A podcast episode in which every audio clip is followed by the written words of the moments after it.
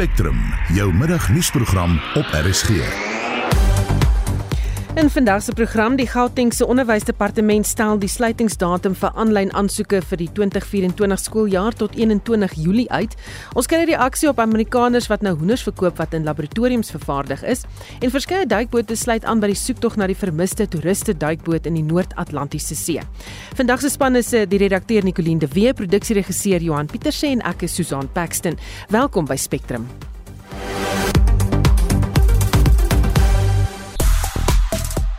Desiree Ellis sal Vrydag laat weet wie haar spelersgroep vir die Vroue Wêreldbeker is. Die dames kriketspanne van Engeland en Australië het vandag al eie stryd om die as begin en kunsmatige intelligensie is aan die toeneem by hierdie jaar se Wimbledon, maar vlees en bloed skeieregters bly vir nou. 'n Volledige bulletin volg net na 12:30. Ons praat oor hoenders vandag. Reguleerders in Amerika het vir eerste keer goedkeuring gegee aan twee maatskappye wat hulle hoendervleis in 'n laboratorium produseer en dit dan as regte vleis bemark. Upside Foods en Good Meat het vleis uit diereselle geproduseer om 'n kleiner impak op die omgewing te maak. Wat dink jy hiervan? Sal jy so 'n produk koop of eet? Stuur 'n SMS na 45889 of praat saam op ons RSG Facebookblad. Dis facebook.com vorentoe skynstreep ZARSG. Dis nou 5 minute oor 12 jy luister na Spectrum. 'n Duitse hof het die herstrukturering van Steinhoff se skuld van sowat 10,2 miljard euro goedgekeur. Die herstruktureringsplan behels dat Steinhoff moet ontbind en ophou bestaan voor die einde van September. Ons praat nou met 'n ekonom van Sequoia Capital Managers, Dr. Chris Harmse. Goeiemôre Chris. Middag Susan. Hoe gaan die herstruktureringsplan werk? Susan gewoonlik, ek weet nie presies wat hulle reëls aan Duitsland nie, maar as dit nou vat jy by Suid-Afrika werk en ek dink nie dit gaan 'n 'n verskil 'n verskil wees nie. Gewoonlik wat dan gebeur is dat die maatskappy word oorhandig aan kurators.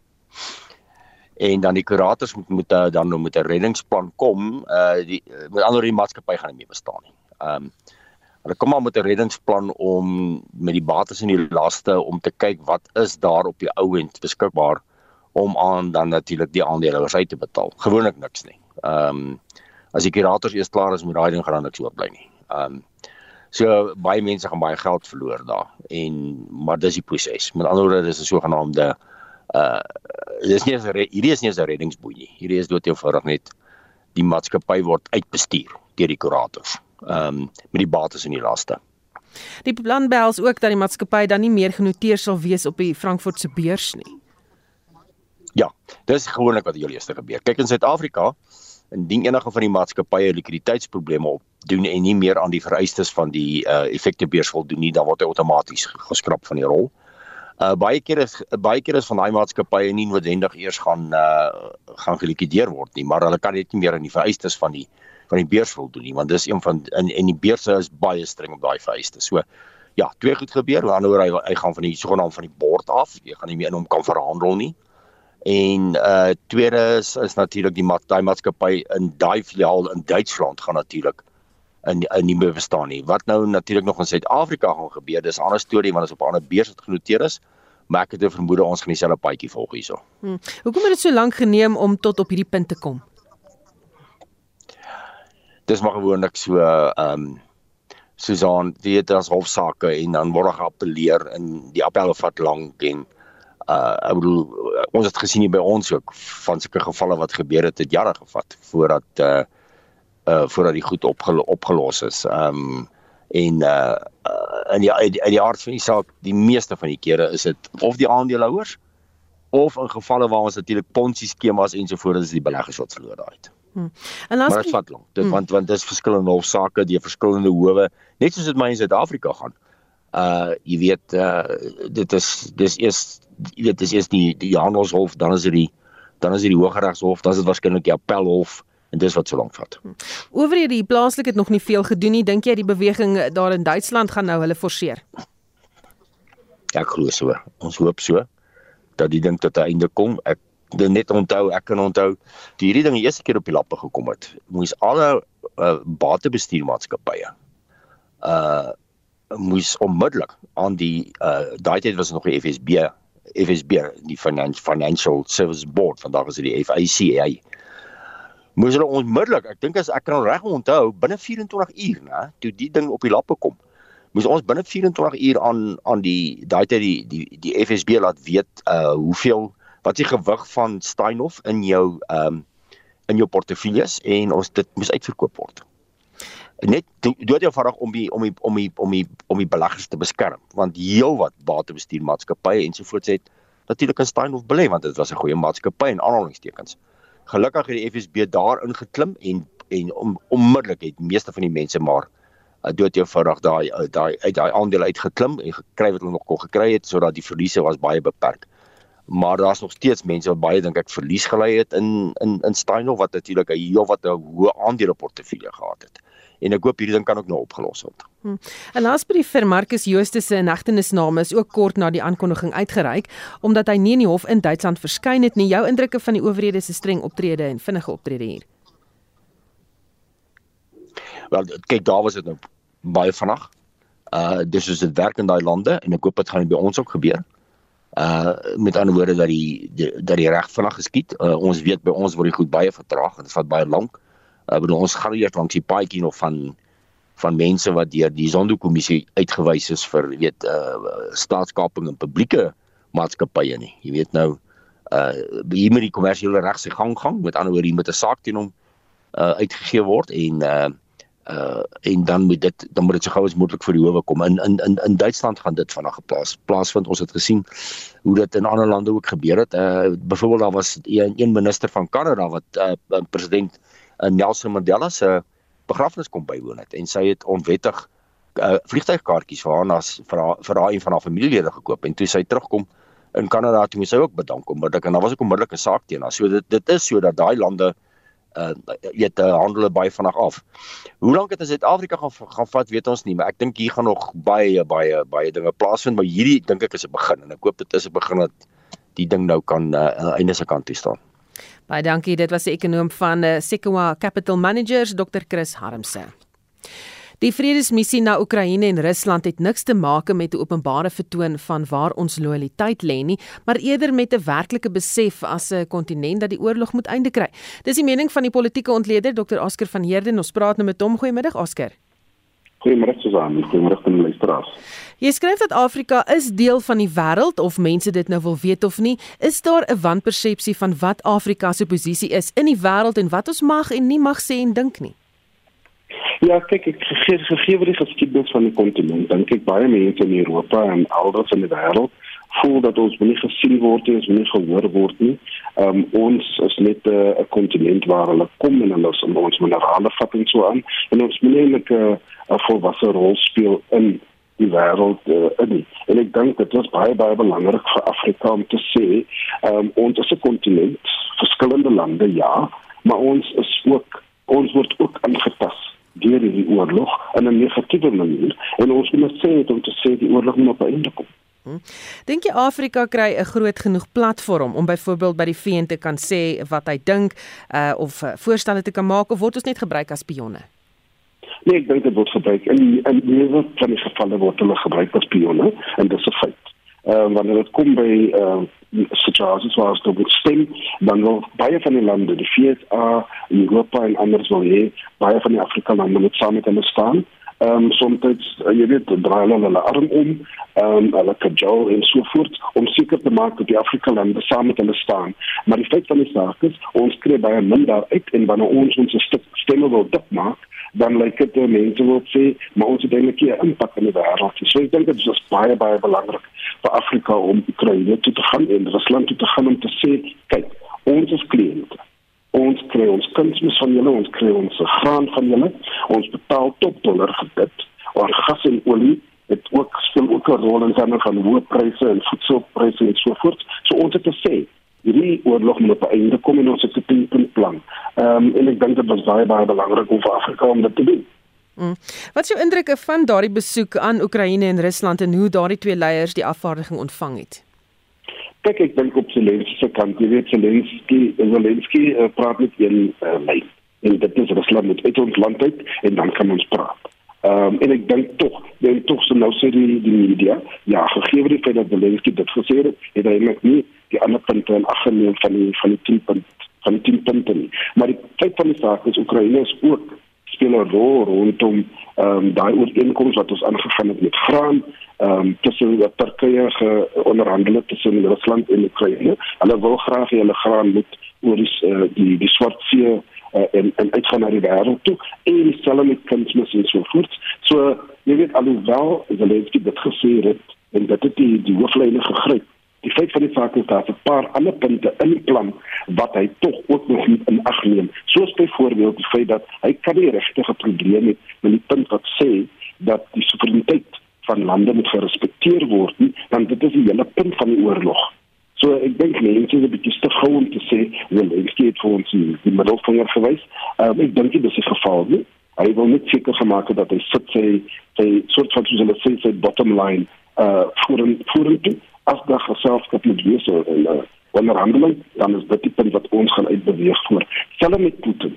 Putin het gesê daar is 'n paar punte wat hulle wat hulle kan bespiegel, wat hulle kan ernstig opvat en ons gaan die die die, die praatwerk verder vat wanneer ons weer eens in Rusland is uh, in Afrika, in die Afrika Rusland uh, uh, konferensie wat daar gaan plaasvind. So ek dink mense uh, wil graag sê die ding was 'n uh, flop, maar ek dink glad nie so nie. Hmm. En wat gaan Afrika moet doen om ernstig opgeneem te word as 'n kontinent? Wel, soos jy self weet, het feit dat lande word meer en meer onafhanklik. Hulle is meer eh, bewus van hulle soewereiniteit en ek dink Afrika is besig en die die die die EU is besig om te sê dat ons kan nie meer 'n unipolare wêreld hê, ons moet 'n multipolare wêreld hê. Almal moet gerespekteer word en dit moet uh daai siening moet in alle aspekte gerespekteer word en ek dink Afrika begin te sê dat net ons begin dieselfde taal praat en begin dieselfde visie het as Afrika uh, ons het nou um, die free trade agreement soos jy weet Susan um, en ek dink meer en meer gaan Afrika hulle voet en hulle stemme dik maak om te sê kan ons ernstig opgeneem word as 'n uh, 'n uh, deelnemer in wêreld se uh, uh, beleid. Hmm. Suid-Afrikaners self was baie krities oor die besoek. Wat moet gebeur met ons denkwyse hieroor dink jy? Ek ek dink ons moet regtig 'n bietjie introspekteer doen want dit is die feit van die saak is Suid-Afrika wil graag en ek ek dink dit is 'n probleem nie Suid-Afrika wil 'n leier wees in die, op die kontinent. Ehm um, hulle wil graag hierdie die G7 en die G20 uh, lande en ekonomieë met ons ernstig opvat.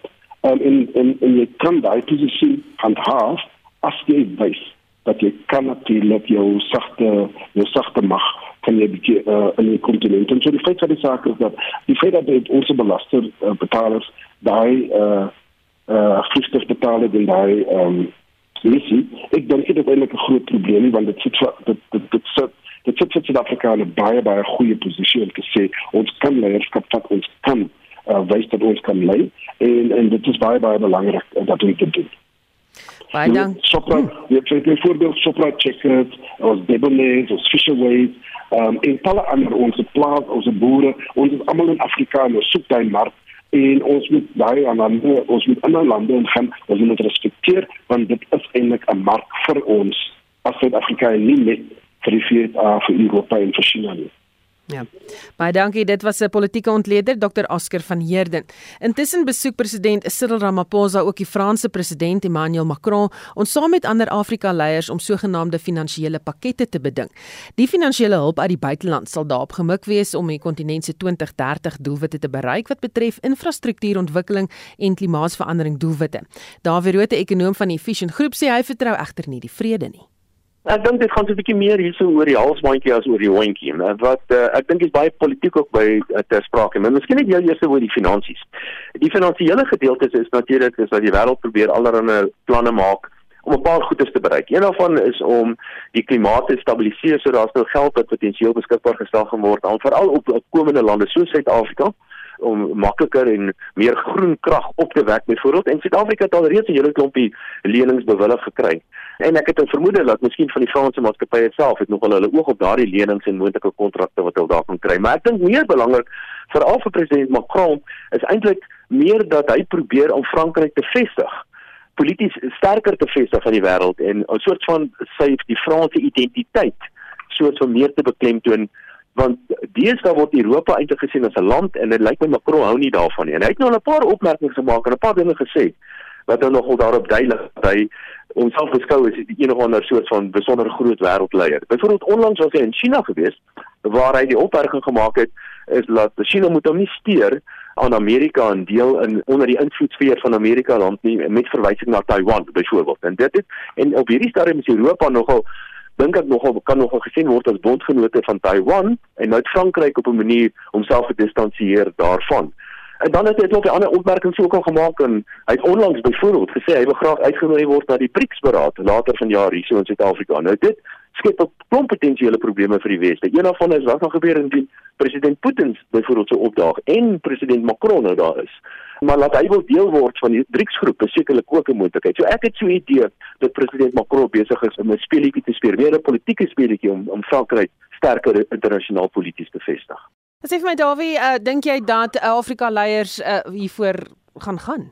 Ja ja, sonder twyfel. Ek kyk, ek dink president uh, Ramaphosa sonder twyfel na die absolute gemors wat plaasgevind het in Pole, sal hy ten minste uh, buitelandse besoek graag wil meemaak wat sonder enige voorvalle gebeur. En ek dink sekerlik hy sal wil gaan, maar behalwe dit dink ek is dit ook 'n goeie idee laat die president sien toe gaan. Nie net die president nie, 'n klompie van die ander opkomende lande, 'n klomp Afrika presidente byvoorbeeld is ook blykbaar op pad soontoe.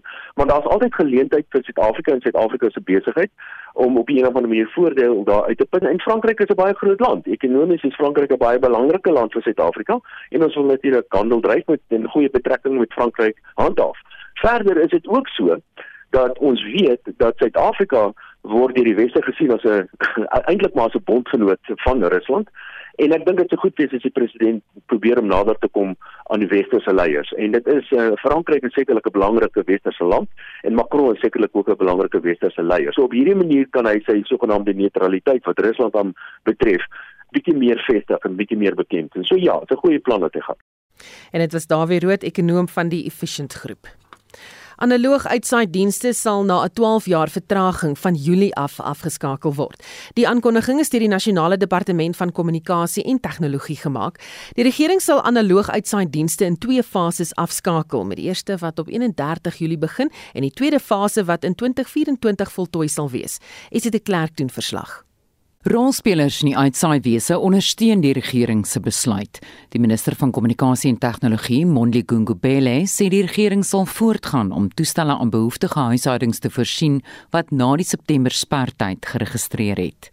Step 1, we immediately switch off analog services above 694 MHz band to release spectrum for other telecommunication use and the set date for this step is the 31st of July this year. Step 2 temporarily accommodate some of the high populous areas below 694 megahertz and switch off within a given period and the set aside date for this step is 31st December 2024.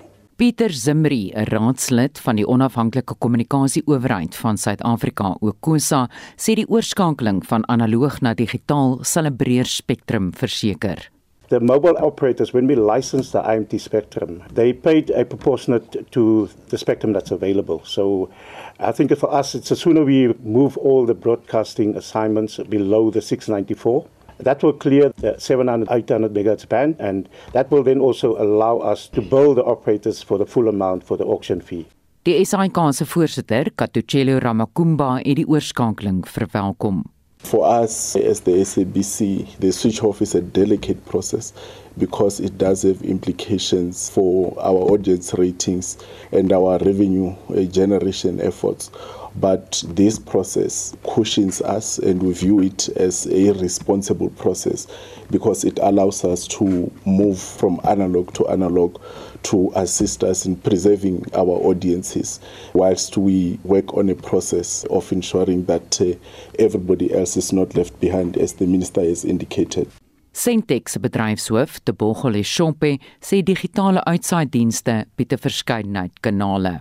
We believe as an industry we have to embrace the digital transformation colleagues as a country we are but one small part of a big global system so the, the globe is shifting some of the technology that we use is manufactured elsewhere. So the analog technology manufacturing has stopped. So for analog to continue a little bit further, we may find ourselves in a situation where we do not have support.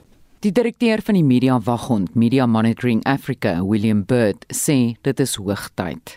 It's an essential transition that has to happen. I think the key thing is just to make sure that those who need access, who rely exclusively on analog currently, which is around 30% of our population, that they are actually transitioned to digital and that they're not left behind. Bert is egter bekommerd oor die koste van die omskakeling vir behoeftige Suid-Afrikaners.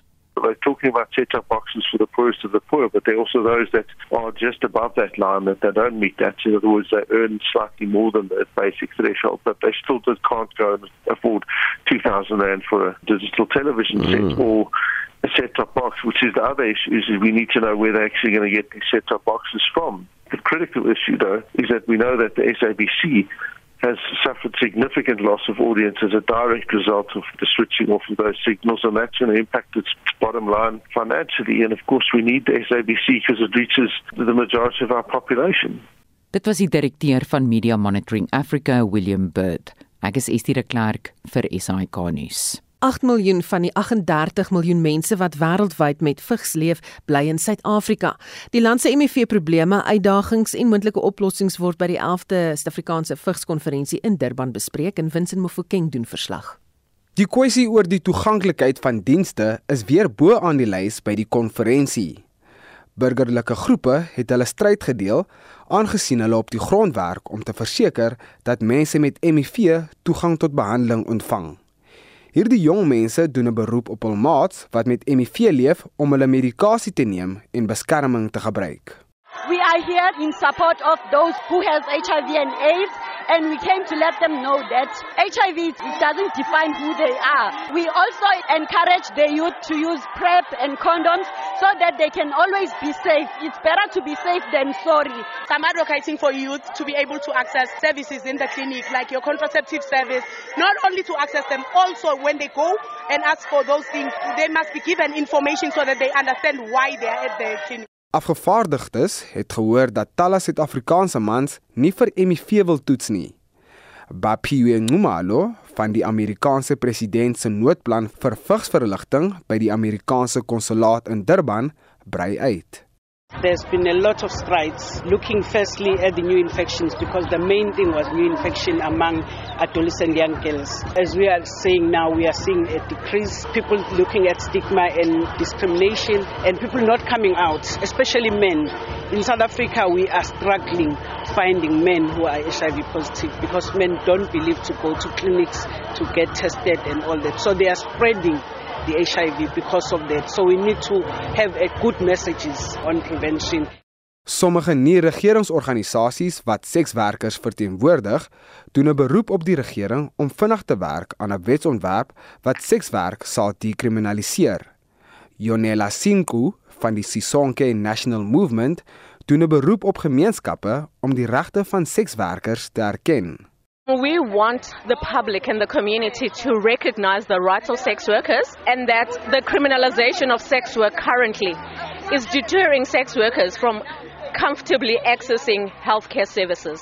We would like, first and foremost, that the decrim bill that has been put on ice to be back on the agenda and that the decriminalization bill be accelerated and prioritized for us to curb the spread of HIV and AIDS.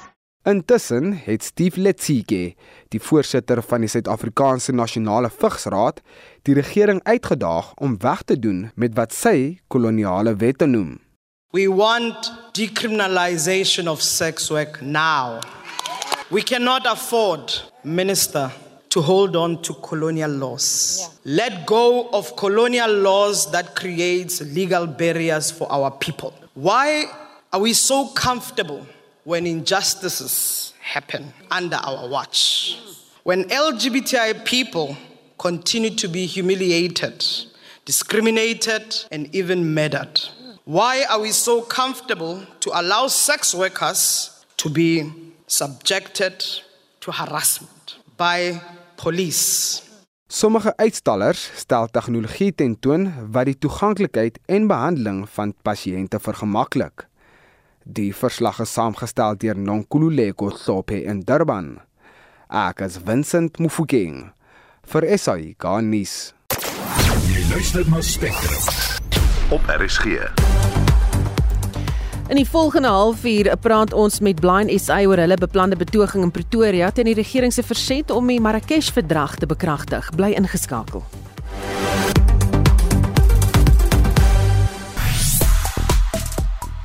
Nou ons gesels vandag oor uh, die eet van hoendervleis wat in 'n laboratorium geproduseer is en of jy dit sal doen of nie. Klomp luisteraars wat reeds reageer, uh, Chart Herbs wat sê nee, glad nie. Het ek ek het onlangs gelees dat dit in ander Europese lande verbied word omdat dit negatiewe implikasies vir die mense gesondheid inhou. En dan sê Betty Jacobs nee. Elsie Cowley wat sê as ek honger is en daar is niks anders nie. Uh Alda Austin van der Graaf sê nee, Annelien Roos uh, of Rao sê o nee, beslis nie. En Adel Herman van Niekerk nee, ons het ons eie hoenders en koop nie eers meer winkelhoenders nie. Vars plaas hoenders proe beter en vleis is ook anders. Lizet Snyman sê beslis nie en Deleen Raal sê nee, dankie, dan eet ek liewer net groente. En Dirkie Miller wat sê nee, of eerder Johan Oosthuizen twee kansse nee en glad nie. Die mense is besig om in te meng met die skepping van God. Hulle gaan groot pak slaag kry. En Annetjie van Stade nee, ek hoop nie ek hoef ooit terug te gaan op my woord nie, maar definitief nee. Jy kan steeds saamgesels uh, oor die kwessie daarop ons uh, Facebook bladsy, die RSG Facebook bladsy. Dit is uh, facebook.com vorentoe skynstreep ZARSG of stuur 'n SMS na 45889 SMS se kos R1.50. Kollega Oudo Karels sluit nou by ons aan vir die jongste sportnuus. Goeiemiddag Oudo. Goeiemôre Susan. Môre is dit presies 'n maand of gaan dit presies 'n maand wees voor die vroue sokker wêreldbeker afskop en dis ook 'n belangrike dag vir Banyana Banyana.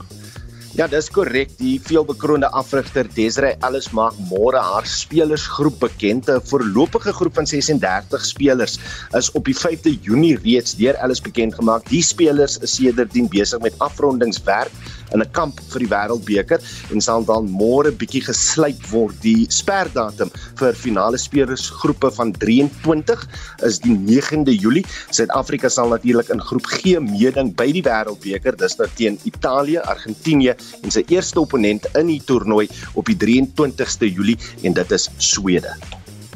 En oor na cricket waar daar nog vroue sport in die kollig is. Ja, ons het uh, hierdie week gesien hoe die Australië manstoetspan met hulle Engelse ewe knie met twee paadjies afgereken het. Vroeër vandag het die vroue spanne van die twee lande mekaar begin pak in vroue stryd om die as. Dis ook die eerste dames toets om oor 5 dae gespeel te word. Gewoonlik speel hulle oor 4 dae. Die jongste telling in Nottingham waar Australië eerste kolf het Australië op 27 sonder verlies. Dis die laaste dag van uh, die 4 dag wedstryd ook tussen Suid-Afrika en Sri Lanka. Uh Sri Lanka het hulle 'n uh, golfbeurte gesluit verklaar op 327 vir 3. Suid-Afrika tans 144 vir die verlies van 3 paaltjies en as ek net kyk na die taalkaart is dit uh, Zubair Hamza en uh Calvin Reyne wat nog goed opdreef is daar.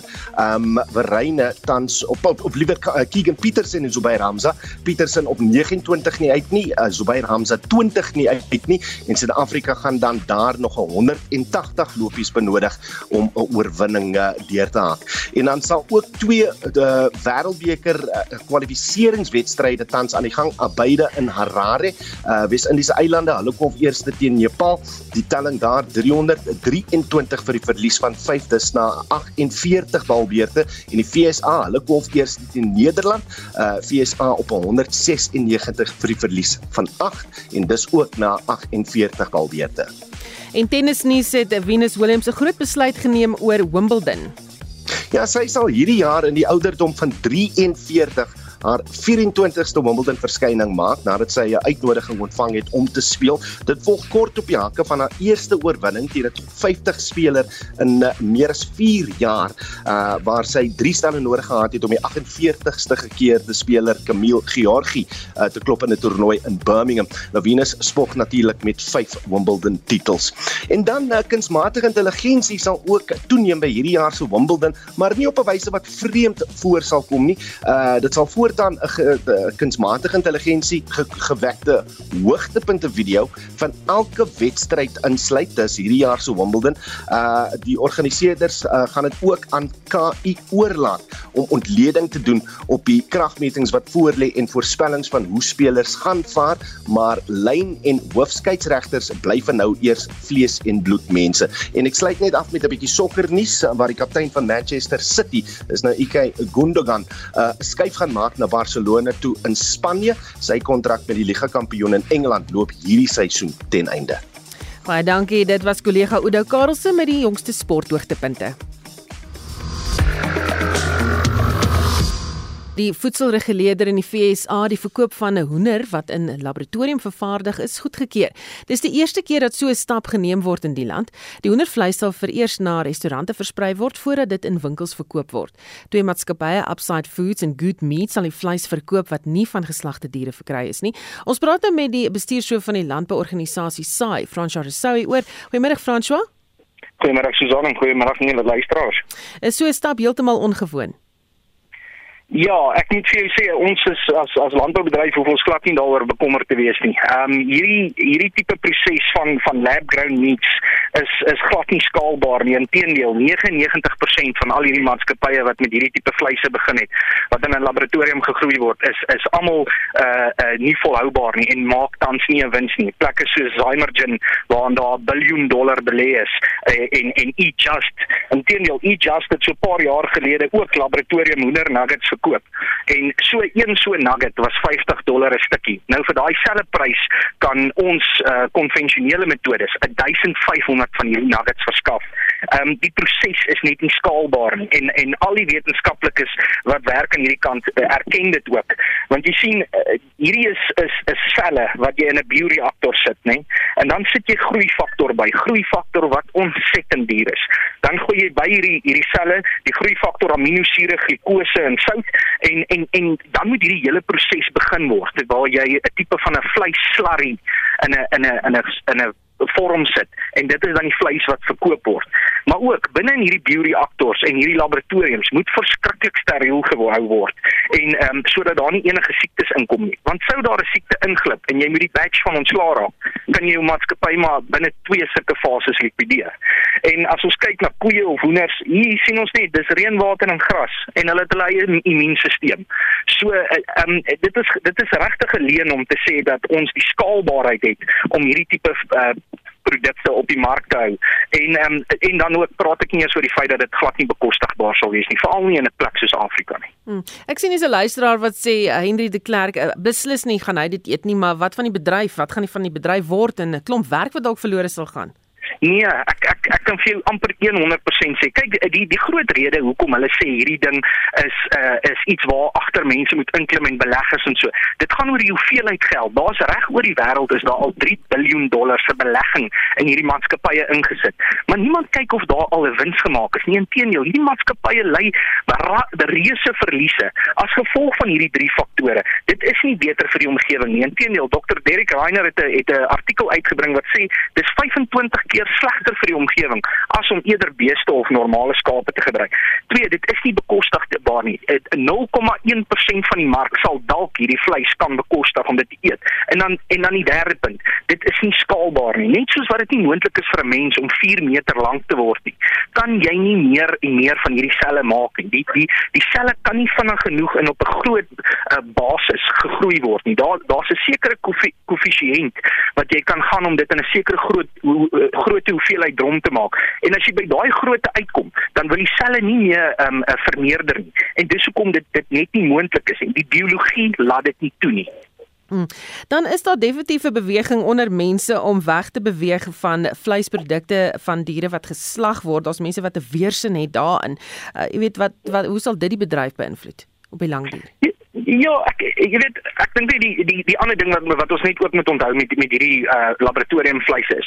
Die rede ook hoekom dit nie baie goed gedoen het en hoekom baie van hierdie maatskappye is wat nou uh uh tou opgooi, is want mense kla oor die smaak en die tekstuur. Dit is nie dieselfde as vleis nie. En waar hierdie hierdie vleis wat gemaak word in bioreaktors is enkele selle. En onthou 'n stuk vleis van 'n uh, hoender of van van bees is 'n klomp verskillende spiere, weefsel, vet wat gemeng word. Nou verstaan ek, nou skuif ons weg van vleis af na na die vegetariër beweging toe. Dit is daar, maar dit is nie so groot dat dit enigstens die die die bedryf nou sal skade maak. Waaroor is jy eerder op hierdie stadium bekommerd? Ons is eerder bekommerd oor ingevoerde vleis, veral hier in Suid-Afrika. Ons is bekommerd oor die feit dat dit tans goedkoper is om hoenders van Brasilië af in in Suid-Afrika te verkoop as wat dit is self om dit hier te produseer. En dit gaan maar oor kwessies soos uh subsidies en en en handelstariewe. Baie dankie. Dit was die bestuurshoof van die landbouorganisasie SAI, Fransja Rousseau. Blind SA, die nie regeringsorganisasie wat hom beywer vir die regte vir blinde en swaksiende mense in Suid-Afrika, hou Dinsdag 'n optog in Pretoria om te betoog teen die Suid-Afrikaanse regering se verset om die Marrakesh-verdrag te bekragtig. Die verdrag wat reeds deur al vier ander BRICS-lande en deur 118 lande internasionaal bekragtig is, verwyder wetlike hindernisse om boeke en ander kopieregbeskermde werke na toeganklike formate te kopieer, soos byvoorbeeld braille en digitale audio. Ons praat nou met die uh, adjunkpresident van Blind SA Christo de Klerk. Goeiemôre Christo. Middag Susan, middag luisteraars. Sê vir my, hoe beperk is blinde en swaksiende mense se toegang tot boeke in Suid-Afrika? Susan, ons uh, reken dat minder as 0.5% van publikasies beskikbaar is in toeganklike formate. Nou ons het verlede jaar op 21 September die grondwetlike hof beslissing gewen wat eh, bepaal het dat die grondwet dat die die uh, kopieregwet van 1978 ongrondwetlik is en dat uh, die hof toe uh, teks voorgestel het wat ingelees moet word in die wet om dit uh, grondwetlik te maak wat dan vir ons kopiereg uitsonderings gee dat ons nie by kopiereghouers hoef te bedel bedel vir kopiereg nie. Ons het net omtrent 10% gevalle waarvoor ons kopiereg aangevra het gekry. So ons ondervind werklik waar 'n boek hongersnood. Nou ons het die die geveg in die hof gewen, maar ons het nog steeds die Marrakesh verdrag nodig wat uh, oorgrens beskikbaarstelling van boeke in toeganklike formaat uh vir ons moontlik maak. Dis nie op die oomblik moontlik nie. So al is 'n boek elders in die wêreld beskikbaar in toeganklike formaat, moet ons dit nog hier doen in ons eie land teen geweldige koste in in geld en tyd. Nou julle het reeds 'n oorwinning in die konstitusionele hof oor kopiereg gehad verlede jaar. Wat is die regering se verskoning om nie hierdie verdrag te onderteken nie? Wel tot dusver was dit die regering se posisie dat daar eers wetgewing in plek gestel moet word wat hulle uh, sou toelaat om die Marrakesh verdrag te bekragtig. Maar uh, ons argument is die hof het verlede jaar 'n uh, 'n wet 'n stukkie wet gedikteer wat ingelees moet word en dit is die basis waarop dit gedoen kan word. So die regering het nou geen verskoning meer nie, maar sedert die hofbeslissing het die regering nou nog niks gedoen daarin nie. Hm. Hoeveel kos dit byvoorbeeld om 'n boek in braille te laat druk? 'n Gemiddelde boek sê nou maar 'n roman van so 300 bladsye uh neem omtrent 28 dae en kos omtrent R24000 hm. vir die meesterkopie om gemaak te word en dan natuurlik moet afsonderlike kopieë nog in braille gedruk word wat addisionele koste is. So dis 'n geweldige klomp geld en 'n geweldige klomp geld om te spandeer as iets reeds beskikbaar is elders. Mm. Sê vir my sal hierdie Marrakesh verdrag byvoorbeeld daardie koste kan sny? Die Marrakesh verdrag sal help dat as 'n boek elders beskikbaar is, ons geen geen sulke koste sal hê nie. As ons egter wel 'n boek van vooraf moet doen, is is dit maar wat ons gaan moet betaal daarvoor. Ja.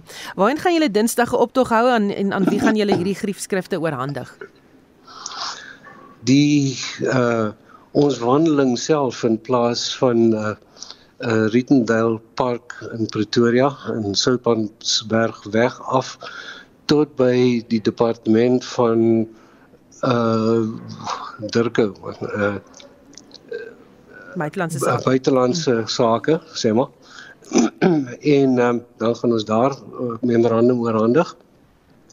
Behalwe daardie memorandum gaan ons nog ander oorhandig. Ons het kleiner groepe wat dan gaan na die departement van ehm um, handel en nywerheid en en uh, kompetisie. Hulle gaan dit daar een oorhandig dan ook by die departement vir vroue ehm um, jeug en mense met gestremdheid en dan ook by uh by departement van justisie en korrektiewe dienste en ook aan die president homself. Mm. En sê vir my en presies wat gaan daar ontstaan? Wat gaan julle eise wees?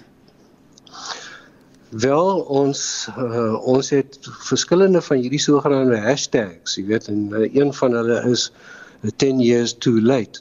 Ehm um, dit is absurd dat die regering na 10 jaar nog nie die Marrakesh verdrag bekragtig het nie. So ons eis is dat dit nou moet gebeur.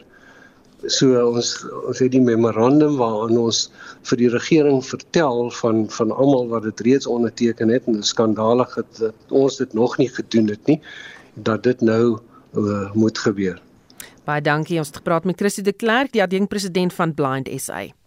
Die bousektor voel steeds die impak van swak ekonomiese groei en rentekoersverhogings. Dis volgens die jongste Afrimat konstruksie indeks en ons praat nou met die samesteller van hierdie indeks, Dr. Rolof Botha, ekonomiese raadgewer van die Optimum Beleggingsgroep. Goeiemiddag Rolof. Goeiemiddag. Ja. Hoe die indeks vertoon? Uh nie goed nie. Ehm uh, maar daar's een belangrike rede daarvoor en uh, dit is dat hy is afgetrek deur twee van die onderliggende aanwysers en dit is die waarde van uh goedgekeurde bouplanne en ook die waarde van geboue wat vertoe is in die groter uh munisipaliteite en metropolitaanse gebiede.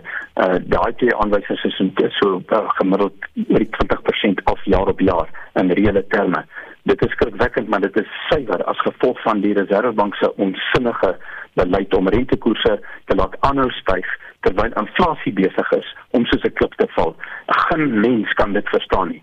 Maar daar's daar 'n positiewe aspekte ook in die, in die indeks. Ja, ek wou nou vir jou vra, jy weet, daar soos ek jou ken, is daar iewers lig aan hierdie einde van die tonnel. ja, jy jy sê vir jy sê Susan, uh en en dat ek net vir julle sal sê die indiensname in konstruksiebedryf in Suid-Afrika op 'n jaar op jaar basis het met 12% toegeneem. Dit is fantastiese nuus. En ook die toegevoegde waarde in konstruksie.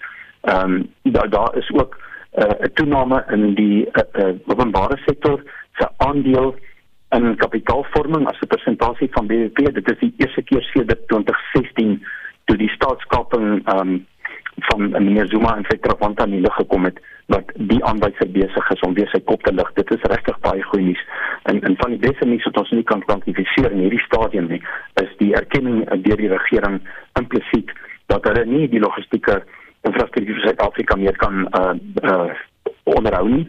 Uh om nie te praat van nuwe infrastruktuur nie, hulle het nou nog 'n krisiskomitee in die lewe groep die nasionale logistieke krisiskomitee. Dit is goeie nuus om die eenvoudige rede dat die private sektor gaan intiem en is reeds die intiem betrokke hierby.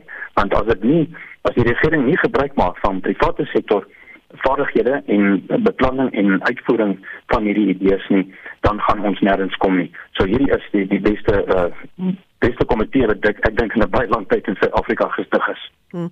Ek dink jy rentekoersverhogings is op 'n einde. Oh, ek wou ek sien een van die groot banke het vanoggend dit uitbasyn en gesê asseblief en so verwoord het hulle gesê los nou laat ons ook sien inflasie is bitter naby aan hierdie boonste teikenvlak van julle. En, net terloops vir die luisteraars die teikenvlak van inflasie van tussen 3 en 6% was nie bedoel om vas te bly nie. As daar iets gebeur soos 'n pandemie en ander faktore dan kan 'n mens daar inflasie teiken raamwerk kon mens net verhoog het. Dit was nooit nodig om rentekoerse in hierdie land op te skuif nie.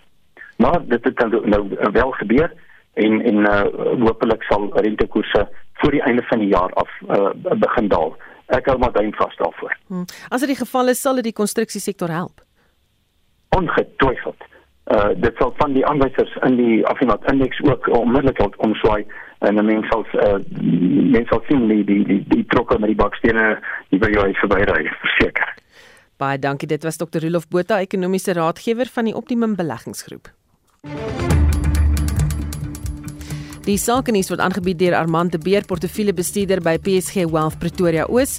Goeiemôre Armand. Goeiemôre en môre aan die luisteraars. Op die valutamarkte verhandel die rand tans R18.33 teenoor die dollar, R20.17 teenoor die euro en R23.42 teenoor die pond. As ons kyk na kommoditeite, verhandel goud teen 1927 dollar per fyn ons. Die platinumprys staan op 948 dollar per fyn ons en Brent olie verhandel teen 76 dollar per vat. Aandelemarkte wêreldwyd daal skerp vandag nadat die voorsitter van die Amerikaanse Federale Reserveraad, Jerome Powell, gesê dat meer rentekoersverhogings waarskynlik nodig is na mate sentrale banke wêreldwyd hoë inflasie probeer bekamp. Die Bank van Engeland sal ook later vandag hulle rentekoersverhoging aankondig. Die FTSE 100 verhandel tans 0,8% laer, die Franse CAC 40 verhandel 1,2% laer en die Duitse DAX daal met 0,6%. Op ons plaaslike beurs daal ons mark ook vandag en die JSE algehele indeks verhandel 0,9% laer op 74900 punte. Prosus se aandeleprys daal met 1,5%, Naspers daal 0,5%, maar Anheuser-Busch styg met 1,4% en Richemont verhandel 0,5% sterker. Dit is hoofsaaklik goud en platinum aandele wat die beurs aftrek met die Hulbron indeks wat 1,6% laer verhandel. Impala Platinum verhandel 4% laer en beide Sibanye en Northern Platinum daal met 2,5%. Anglo Gold daal 2% en Gold Fields verhandel 1,3% laer. Die nywerheidsindeks daal 0,4% met beide Tiger Brands en Spar wat 1,8% laer verhandel. Mr Price het vandag in hulle voljaarresultate 'n 6% daling in jaarlikse wins aangekondig as gevolg van die inflasionêre druk op verbruikers en ehm um, kragonderbrekings. Mr Price se aandeleprys verhandel tans 1,4% hoër. Die finansiële indeks verhandel 1,3% laer met die verloorders Growthpoint wat 4% daal en Capitec daal met 2%. Onder die wenners vandag styg Cashbuild se prys met 4,4%, Alexander Forbes styg 3,3% en Exaro styg met 1,1%. Dis al van my kant af en daarmee die einde van die sake nuus. En dit was Armand de Beer portefeuljebestuurder by PSG Wealth Pretoria Oos met vandag se sake nuus.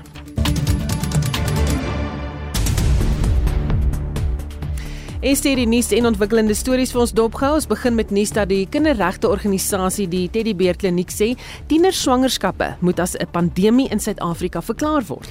Dit eis uh, uh, dit eis na die statistiek wat vroeër van week bekend gemaak is dat meer as 3000 meisies in die Noord-Kaap tussen 10 en 19 jaar tussen verlede jaar en Maart vanjaar swanger geraak het.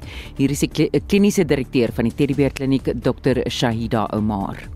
For 10 year olds to give birth to a child, a child giving birth to a child is not only alarming, it's disheartening, it's soul destroying. We're robbing that child and the newborn of all opportunities and actually impacting on their trajectory, long term implications of physical, psychological, and all other effects that will affect them in their lifelong span. Die Kaapse Wynland Distriksmunisipaliteit se departement vir tegniese dienste spook hard om onderhoud en herstelwerk aan talle paaie te doen wat verlede week tydens oorstromings in die provinsie beskadig is. Die herstelwerk sal aaneenlopend gedoen word, maar vordering kan moontlik vertraag word deur opvolgreën. Is dit meer as 5 miljoen rand is deur die regering bewillig as deel van 'n rampverligtingfonds vir Warrenton in die Noord-Kaap. Nou die gebied het reeds watertekorte sedert die Vaalrivier in Februarie in vloed was en watervoorsieningspype beskadig is. Die ACDP eis dat die regering ingryp. Hier is die ACDP parlementslid Marie Soekers. The community has told us the biggest issue is the lack of technical capacity to maintain infrastructure. And in this case, obviously, the infrastructure was damaged by the floods.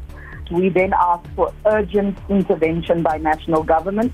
And we also put in a petition for urgent intervention and review of investment that was made for the upgrade of the water treatment plant. In internasionale nuus is ten minste 24 mense beseer in 'n ontploffing in Parys, Frankryk. 'n Vier van die mense is ernstig beseer en noodwerkers soek ook steeds na mense wat vermis word. Die oorsaak van die ontploffing is nog nie vasgestel nie. Hier is die BBC se Hugh Shanfield. At around 5 o'clock in the afternoon, a huge explosion was heard on the Rue Saint Jacques, which runs south from the Latin Quarter on Paris's left bank. A building next to the 17th century Val de Grace church was consumed in flames, and much of it appears to have collapsed. According to witnesses on French media, there was a strong smell of gas just before the blast. The building housed an international design school and the headquarters of the Catholic education system. En die Amerikaanse Departement van Landbou soos berig het, het goedgekeur dat hoender wat in 'n laboratorium vervaardig is in die VSA verkoop kan word. Die selgekultiveerde hoender is deur twee tegnologiese voedselmaatskappye, Good Meat en Upside Food in Kalifornië vervaardig. Die SAK se korrespondent in die VSA, Shawn Bryce Peace, het meer besonderhede. USDA will in future inspect cultured meat facilities similarly to how they do meat processing plants or abattoirs.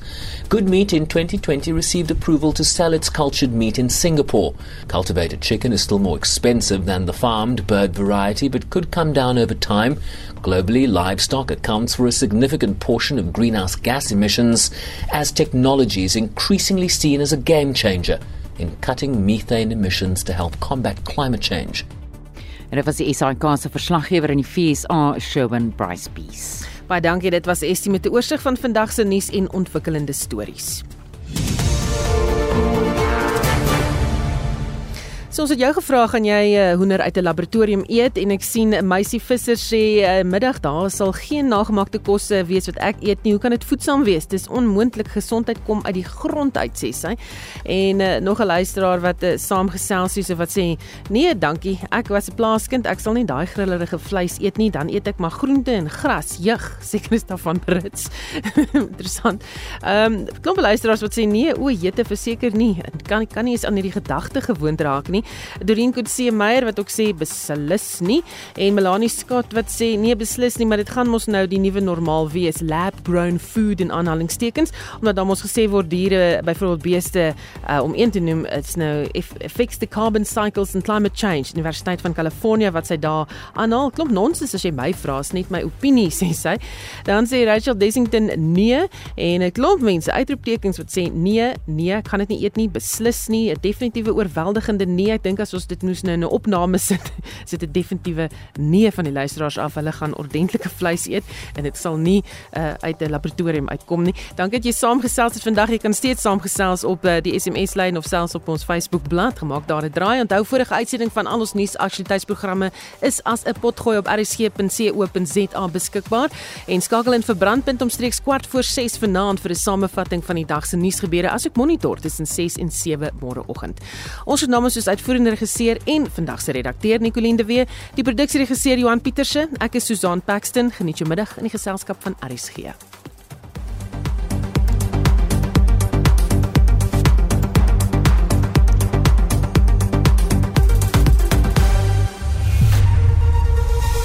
SAK nuus. Onafhanklik, onpartydig.